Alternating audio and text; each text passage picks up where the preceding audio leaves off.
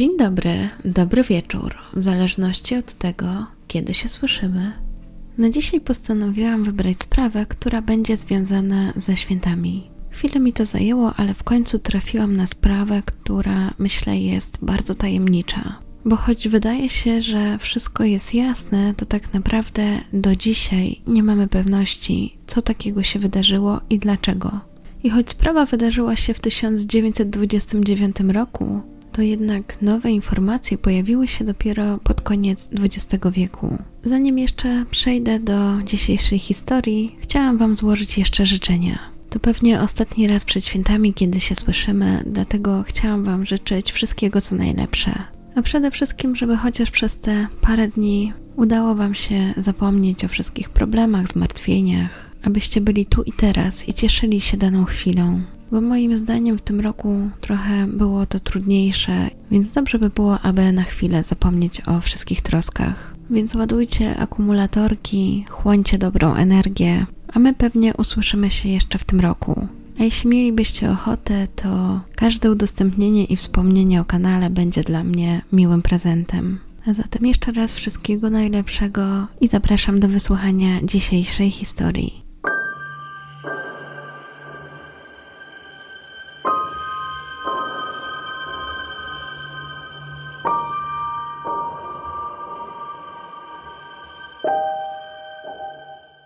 Grudniu 1929 roku w Germantown niedaleko Danbury, Karolinie Północnej, było naprawdę zimno.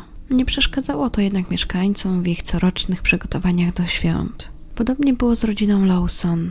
Głową tej rodziny był Charles, który w 1911 roku poślubił Fanny Merning. Razem doczekali się ośmiorga dzieci. Niestety jeden z synów państwa Lawson, urodzony w 1914 roku William, ciężko zachorował i zmarł w 1920 roku. Pomimo tej tragedii, rodzina musiała sobie jakoś radzić dalej. Charles uznał, że najlepszym pomysłem, aby zapewnić godne życie rodzinie, będzie przeprowadzka do Germantown, Wybrał to miejsce dlatego, że wcześniej jego dwaj młodsi bracia się tam przeprowadzili i całkiem dobrze sobie radzili, dlatego postanowił, że i on pójdzie ich śladem. W tych okolicach głównie ludzie zajmowali się uprawą i tym też postanowili zajmować się Lawsonowie wydzierżawili farmę, na której hodowali tytoń. I był to strzał w dziesiątkę, bo interesy szły na tyle dobrze, że w 1927 roku rodzina miała już tyle oszczędności, że byli w stanie kupić swoją farmę i zająć uprawą na swoim. Do tego otrzymali jeszcze dwustuletni dom, co prawda zrujnowany, ale pan Lawson stwierdził, że trochę przy nim popracują i będą mieli świetny dom do mieszkania. Plusem było też to, że niedaleko znajdowały się farmy jego braci, więc wydawało się, że była to najlepsza możliwa inwestycja. Kolejne dwa lata przebiegły spokojnie. Lawsonowie cały czas żyli z uprawy tytoniu, wszystko jakoś się układało. Żyli raczej oszczędnie, ale na nic im nie brakowało.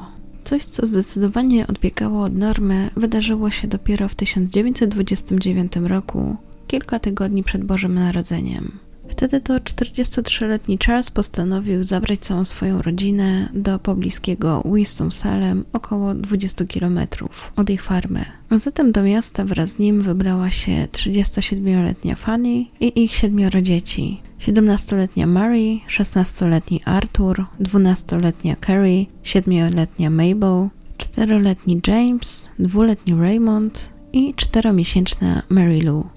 Celem tej wyprawy miało być zakupienie nowych ubrań dla całej rodziny. I choć wydaje się, że nie jest to nic niezwykłego, dla rodziny Lawsonów było raczej nietypowe. Rzadko kiedy pozwalali sobie na takie wyprawy. Był to na pewno spory wydatek. Ale żeby było jeszcze bardziej zaskakująco, Charles zdecydował, że wszyscy sobie zrobią zdjęcie w nowych ubraniach. Dziwiło to wszystkich, dlaczego mężczyzna postanowił wydać tyle pieniędzy jednego dnia i to jeszcze przed świętami ale nikt oficjalnie nie zadał tego pytania. Zgodnie z wolą mężczyzny, cała rodzina ubrała się w nowe ubrania i następnie zapozowała do zdjęcia. Mężczyzna powiedział, że jest to po prostu część świątecznej niespodzianki, nikt więc o nic już więcej nie pytał. W późniejszym czasie ten gest był wielokrotnie analizowany przez wielu badaczy. Naprawdę wiele osób zastanawiało się, czy już wtedy w głowie Charlesa rodził się jakiś plan, czy dopiero zrodził się on później. Niektórzy doszukiwali się też wskazówek na tym zdjęciu odnośnie tego, jaka była przyczyna późniejszych wydarzeń. Jeśli spojrzycie na zdjęcie, które pewnie teraz się pojawia, to wydaje mi się, że też będziecie mieli takie dziwne wrażenie, że coś z tym zdjęciem jest nie tak. Postaram się je jednak opisać dla osób, które będą mnie tylko słuchały. Oczywiście też to zdjęcie może budzić skrajne emocje ze względu na to, że było robione trochę w innych czasach i pewnie też panowała inna moda, jeśli chodzi o pozowanie do zdjęcia. Ale gdy ja patrzę na to zdjęcie, to mam wrażenie, że wszyscy są jacyś tacy smutni. Od lewej na górze stoi 16-letni Arthur. Obok niego stoi 17-letnia Mary. Obok nich stoją rodzice, czyli Charles i Fanny. Fanny trzyma najmłodsze dziecko, czyli czteromiesięczną Mary Lou. Jeśli chodzi o tę czwórkę, to Arthur ma dosyć dziwną minę. W ogóle wydaje się, jakby nie było widać jego oczu i zdecydowanie nie patrzy w obiektyw. Wygląda tak, jakby może delikatnie próbował się uśmiechnąć. Mary w przeciwieństwie do Artura patrzy bezpośrednio w obiektyw, ale ma bardzo poważną minę. Trudno mi odczytać jej emocje, ale wydaje mi się taka jakaś przygnębiona, zmartwiona. Oczywiście to jest tylko moja opinia. Dalej stoi Charles, który też nie do końca patrzy bezpośrednio w obiektyw, ale pozuje dla mnie z jakąś taką dumą. Jak porównuję pozę Artura i Charlesa, to chyba wynika to z tego, że po prostu Charles się wyprostował. Na końcu stoi Fanny, która trzyma dziecko, jak już wspomniałam, i też ma raczej smutną minę. Tutaj nawet nie tyle, co ma zaciśnięte usta, a raczej wykrzywione, jakby się smuciła. Na dole od lewej siedzi czteroletni James, obok jest siedmioletnia Mabel, Obok jest dwuletni Raymond i na końcu dwunastoletnia Carrie. I co ciekawe, pierwsza trójka dzieci patrzy w lewą stronę. Wyobrażam to sobie tak, jakby ktoś tam machał ręką i nakierowywał ich wzrok. Tylko wtedy zastanawia mnie, dlaczego patrzą w drugą stronę niż reszta członków rodziny. Też niestety się nie uśmiechają, nie wyglądają jakby byli zadowoleni. A poza małego Raymonda wygląda jakby w ogóle nie chciał tam być i chciał już stamtąd iść, tak jakby kuli się w sobie. Na końcu jest dwunastoletnia Carrie, która początkowo wydawało mi się, że się uśmiecha, ale jak powiększyłam sobie to zdjęcie, to raczej też widzę tutaj jakiś grymas. Jej oczy zdecydowanie nie są uśmiechnięte. To, co ją jeszcze wyróżnia, to to, że patrzy w inną stronę niż jej rodzeństwo. Generalnie to zdjęcie wygląda tak, jakby tam były co najmniej trzy obiektywy i każdy się patrzył w inne miejsce. A do tego ten smutek, który tak jakoś bije po oczach. Nie wiem, tak jak mówiłam, może taka była wtedy moda, taki był wzór, że do zdjęcia nie uśmiecha, ale jakoś tak budzi to moje zastanowienie. Ale to oczywiście moje odczucia. Jestem ciekawa, co wy z kolei widzicie na tym zdjęciu. Po tym, jak rodzina wyszła ze studia fotograficznego jak gdyby nigdy nic wróciła do domu i do swoich obowiązków. Po tej wycieczce zostały im ubrania i zdjęcie, które właściwie do dzisiaj skrywa wielką tajemnicę. Następne dni upłynęły w miarę spokojnie. W zasadzie wydarzyła się tylko jedna rzecz, którą może warto wspomnieć. Otóż w międzyczasie, wieczorami, czyli po pracy, cały czas Charlie, Fanny, Arthur i Mary pracowali razem przy renowacji domu. Prace przeważnie upływały im spokojnie, ale pewnego dnia wydarzył się mały wypadek. Gdy akurat Charles zajmował się zgniłymi belkami, niechcący uderzył się w czoło. Wydawało się, że nic się nie stało, ale później sąsiedzi i członkowie rodziny twierdzili, że zauważyli zmianę w jego osobowości. Na razie nic wam to pewnie nie wyjaśnia, ale później będziecie wiedzieli, dlaczego o tym wspomniałam. 25 grudnia zaczął się jak zwykle. Tego dnia 17-letnia Mary wstała wcześnie, aby przygotować bożonarodzeniowy tort. Szykowała dwie warstwy, potrzebowała do tego masła, cukru, białka jaj, mąki, a do tego wszystkiego jeszcze kubka rodzynek. Było to takie charakterystyczne ciasto, które zawsze szykowała na święta. Po upieczeniu wstawiała go następnie w chłodne miejsce, a dekorować zamierzała dopiero przed świąteczną ucztą. Tego dnia ogólnie Lawsonowie nie pracowali. Charles postanowił wybrać się ze swoim synem Arturem i dwoma psami na polowanie. Niestety w trakcie skończyła im się amunicja, więc ojciec poprosił syna, aby wybrał się do miasta po uzupełnienie zapasów. Artur oczywiście posłuchał ojca i niczego nieświadomy wybrał się do miasta, a tym sposobem ocalił swoje życie. Wtedy też pod jego nieobecność stało się coś niespodziewanego. Charles nie wrócił do domu, ale schował się za stodołą i czekał. W tym czasie Mary kończyła pracę w kuchni przy cieście, a jej mama obierała ziemniaki na werandzie. Z kolei dwunastoletnia Carrie i sześcioletnia Mabel zapytały, czy mogą odwiedzić ciotkę i wujka, którzy mieszkali w pobliżu. Było dopiero popołudnie, do kolacji było jeszcze trochę czasu, więc nie było problemu, dostały zgodę i wybrały się w odwiedziny. Niestety nigdy tam nie doszły, bo gdy mijały stodołę, niespodziewanie w ich stronę padły strzały. Strzelał nie kto inny, jak ich ojciec Charlie. Nie był to niestety nieszczęśliwy wypadek, a zamierzone działanie. Po wszystkim dla pewności mężczyzna podszedł do swoich córek i jeszcze walnął je rączką motyki, aby utwierdzić się w tym, że nie żyją. Po wszystkim schował ich ciała w stodole, ale na tym swojego działania nie poprzestał. W jego głowie pojawił się plan, który zamierzał zrealizować. Teraz skierował się w stronę domu. Tam z daleka widział już swoją żonę, która obierała ziemniaki. Gdy był już w odpowiedniej odległości, po prostu strzelił. Kobieta zmarła od razu. W tym czasie strzał usłyszała Mary, która zaczęła krzyczeć. Jej bracia James i Raymond natychmiast się przerazili i zaczęli szukać kryjówki. Gdy Charles wpadł do domu, od razu strzelił w stronę swojej najstarszej córki. Ta po chwili osunęła się na podłogę przed kominkiem. Mężczyzna dalej na tym nie poprzestał i zaczął szukać swoich dwóch synów, którzy gdzieś się ukryli w domu. Długo mu to nie zajęło i po chwili padły kolejne strzały. Została jeszcze czteromiesięczna Mary Lou. I tutaj mężczyzna się nie powstrzymał, ale tym razem zmienił sposób. Odłożył strzelbę i zatłukł dziecko na śmierć. Późniejsze badania wykazały, że przyczyną śmierci Mary Lou była pęknięta czaszka. Po wszystkim Charlie uciekł do lasu. Poszły z nim jego dwa psy. W tym czasie do domu wrócił Artur. To, co zobaczył, ogromnie nim wstrząsnęło. Natychmiast zawiadomił policję. Niedługo po tym wokół domu Lawsonów roiło się od ludzi. Wszystkie ciała znaleziono z rękami skrzyżowanymi na piersiach i kamieniami pod głowami w stodole. Ale było tylko siedem ciał. Brakowało jednej osoby, ojca rodziny Charlesa Lawsona. Ale zanim postanowiono go poszukać, z lasu doszedł dźwięk pojedynczego wystrzału. Tuż przed zachodem słońca Charlie odebrał sobie życie. Po tym było już tylko słychać wycie jego psów. To właśnie ono naprowadziło funkcjonariuszy do ciała mężczyzny. Przy ciele Charliego jako pierwsi pojawili się Artur i policjant. Znaleźli też przy nim małe notatki. Niestety nie wyjaśniały one, dlaczego mężczyzna dokonał krwawej masakry na swojej rodzinie. Zauważano także ślady stóp na śniegu, które otaczały drzewo. Wyglądało to tak, jakby Charlie dreptał i zastanawiał się, co zrobić, aż w końcu postanowił się zabić. Jeśli chodzi o te notatki, to było tam napisane: Nie obwiniajcie nikogo oprócz mnie. Cała rodzina została pochowana w jednym grobie. Zanim tak się jednak stało, ciała trzeba było przewieźć do Madison, ponieważ lokalny dom pogrzebowy był przytłoczony tą liczbą ciał. Pogrzeb odbył się na niewielkim cmentarzu, niedaleko miejsca zbrodni. Przyciągnął niemal 1500 osób. Ich motywacją była ciekawość. Oficjalnie opiekę nad domem miał teraz sprawować jeden z braci Charliego, Marion, ale zanim zdążył zabezpieczyć posiadłość, już na miejscu pojawiło się wielu ciekawskich, którzy postanowili wziąć sobie coś na pamiątkę.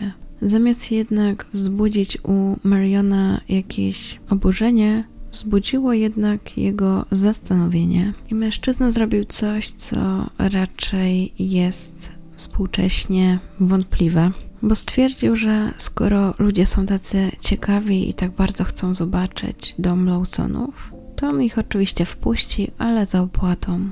I co gorsze, przyciągało to faktycznie setki turystów. A żeby tego było mało, to na stole cały czas stało to ciasto, które szykowała Mary tamtego dnia. I jak wspomniałam, używała do niego rodzynek. A jest to kluczowe dlatego, że wyobraźcie sobie, iż niektórzy odwiedzający po prostu brali sobie po takiej rodzynce z tego tortu. To spowodowało, że ostatecznie tort został przykryty tak, aby nadal go można było oglądać, ale już nie można go było dotykać. I taka ciekawostka, ten tort stał tam jeszcze wiele lat. Wiemy, co się stało, ale wciąż nie wiemy dlaczego. Podsumujmy więc najpierw fakty, a potem przedstawię Wam teorię. To, co jest pewne, to to, że przestępstwo to zostało popełnione z premedytacją. Natomiast zastanawiające jest to, czy ta wizyta w Winston-Salem miała jakieś powiązanie z tym wydarzeniem. Czy może Charlie chciał tak jakby zadośćuczynić rodzinie, mając w głowie to, co się stanie? Jakieś im miłe chwile dostarczyć? Wiadomo też, że Wigilię poszedł do swojego banku i wycofał wszystkie pieniądze, jakie miał na koncie, czyli około 60 dolarów. Później te pieniądze zostały znalezione w jego kieszeni i z nich opłacono pogrzeb rodziny. Wiadomo też, że tego roku plony nie do końca były udane. Po prostu panowała susza. Zatem niektórzy zastanawiali się, czy nie było jakichś problemów z finansami u rodziny. Ale czy byłyby aż tak poważne, by mężczyzna zdecydował się na tak okropny czyn? Jeśli chodzi o teorię, to pierwsza, jaka się pojawiła, to kwestia urazu głowy, o którym Wam wspominałam. Niektórzy podejrzewali, że w związku z tym, iż mężczyzna się wtedy uderzył i według niektórych zmienił, coś mu się niestety poprzestawiało zmienił się jego stan psychiczny i to wpłynęło na jego rozumowanie. Ale przeprowadzono sekcję zwłok i analizę jego mózgu w Johns Hopkins Hospital i nie wykazano żadnych nieprawidłowości, więc z punktu widzenia biologii nie było przyczyny takiego zachowania. Inną teorią, a w zasadzie nawet domysłem, było to, że niektórzy podejrzewali, że Charlie mógł być świadkiem jakiegoś przestępstwa, które było popełnione przez zorganizowaną grupę i że tak naprawdę to oni zamordowali całą rodzinę, aby ich po prostu uciszyć. Ale ta teoria również nie znalazła żadnego potwierdzenia. I na tym etapie to były wszystkie teorie, na jakie policja wpadła. Kolejna pojawiła się dopiero w 1990 roku, kiedy to ukazała się książka o tych wydarzeniach. Książka ta zawierała naprawdę szokujące informacje, bo kuzynka rodziny Stella Lawson Bowles postanowiła powiedzieć, co wie. A zatem autorowi książki White Christmas, Bloody Christmas, czyli Białe Święta, Krwawe Święta, powiedziała, że słyszała, jak jej matka i inne kobiety z rodziny Lawson rozmawiały na pogrzebie o tym, jak Fanny zwierzyła im się, że odkryła kazirodztwo swojej rodzinie. Według kobiety w niedozwolonej relacji mieli się znaleźć Charlie i jego 17-letnia córka Mary. Stella twierdziła, że Fanny martwiła się o ten kazirodczy związek na długo wcześniej, nim doszło do tragedii. A na potwierdzenie miała to, że wiedziała o tym m.in. jej matka, która zmarła na początku 1928 roku. Oznaczało więc, że Fanny miała swoje domysły na długo przed tym, co się wydarzyło pod koniec 1929 roku. To faktycznie rzucało zupełnie inne światło na tę sprawę. Na tej podstawie można byłoby założyć, że po prostu wydarzyło się coś, co sprawiło, że sekret by się wydał. Czy zatem Charles uznał, że jego reputacja jest ważniejsza niż życie rodziny? I co takiego mogło to by być, że mężczyzna postanowił akurat w Boże Narodzenie dokonać takiej masakry?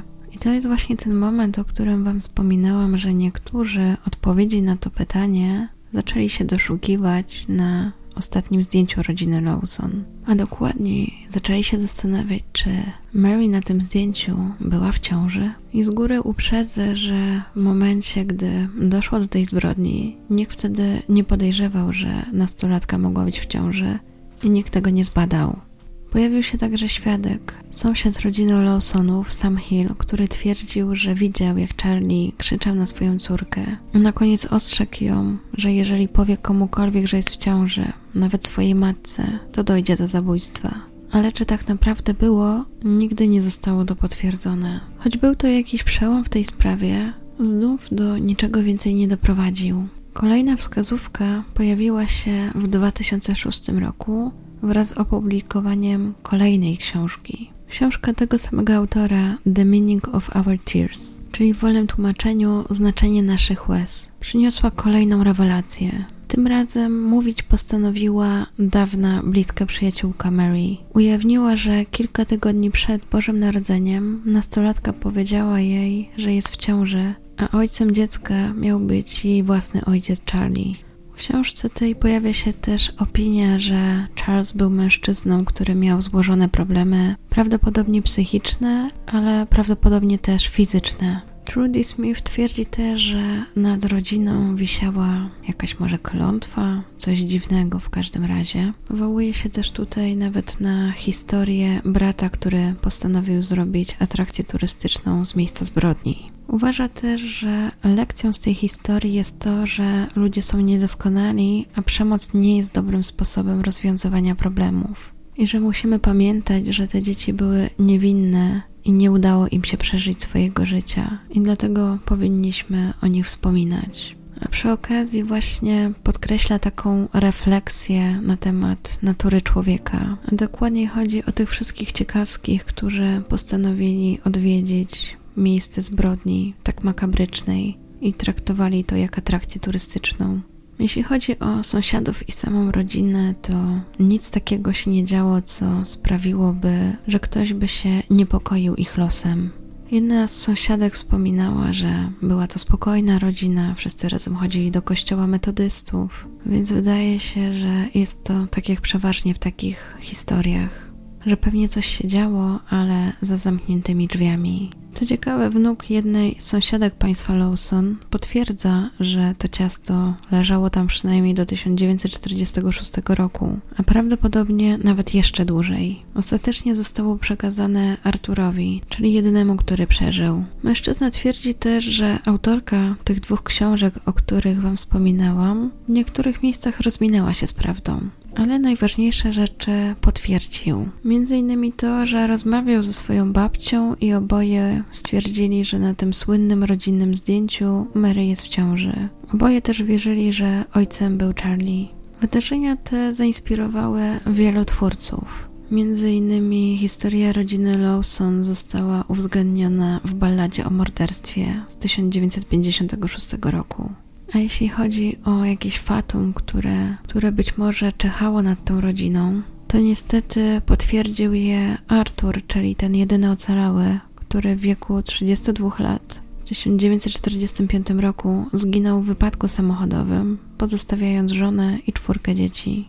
I to wszystkie informacje, jakie znalazłam na temat tej rodziny. Jeśli mielibyście jeszcze coś, co mogłoby uzupełnić tę historię, to piszcie śmiało w komentarzach. Tak jak wspomniałam, jestem też ciekawa Waszych spostrzeżeń odnośnie zdjęcia oraz oczywiście teorii na temat tego, dlaczego doszło do tej masakry. Dzisiaj wyszedł trochę krótszy odcinek, ale mam nadzieję, że wybaczycie. Raz, że materiałów było nie za wiele, a dwa, że mamy teraz taki okres świąteczny i ten czas też jest ograniczony. I też myślę, że to nie czas powinien decydować o ważności sprawy, więc i takie warto opowiadać. Na koniec jeszcze raz życzę Wam wszystkiego dobrego. Trzymajcie się i korzystajcie z tych kilku chwil wolnego. A jeżeli nie macie wolnego i pracujecie, to mam nadzieję, że niedługo uda Wam się nadrobić. Dziękuję za wysłuchanie, życzę miłego dnia, dobranoc, do usłyszenia.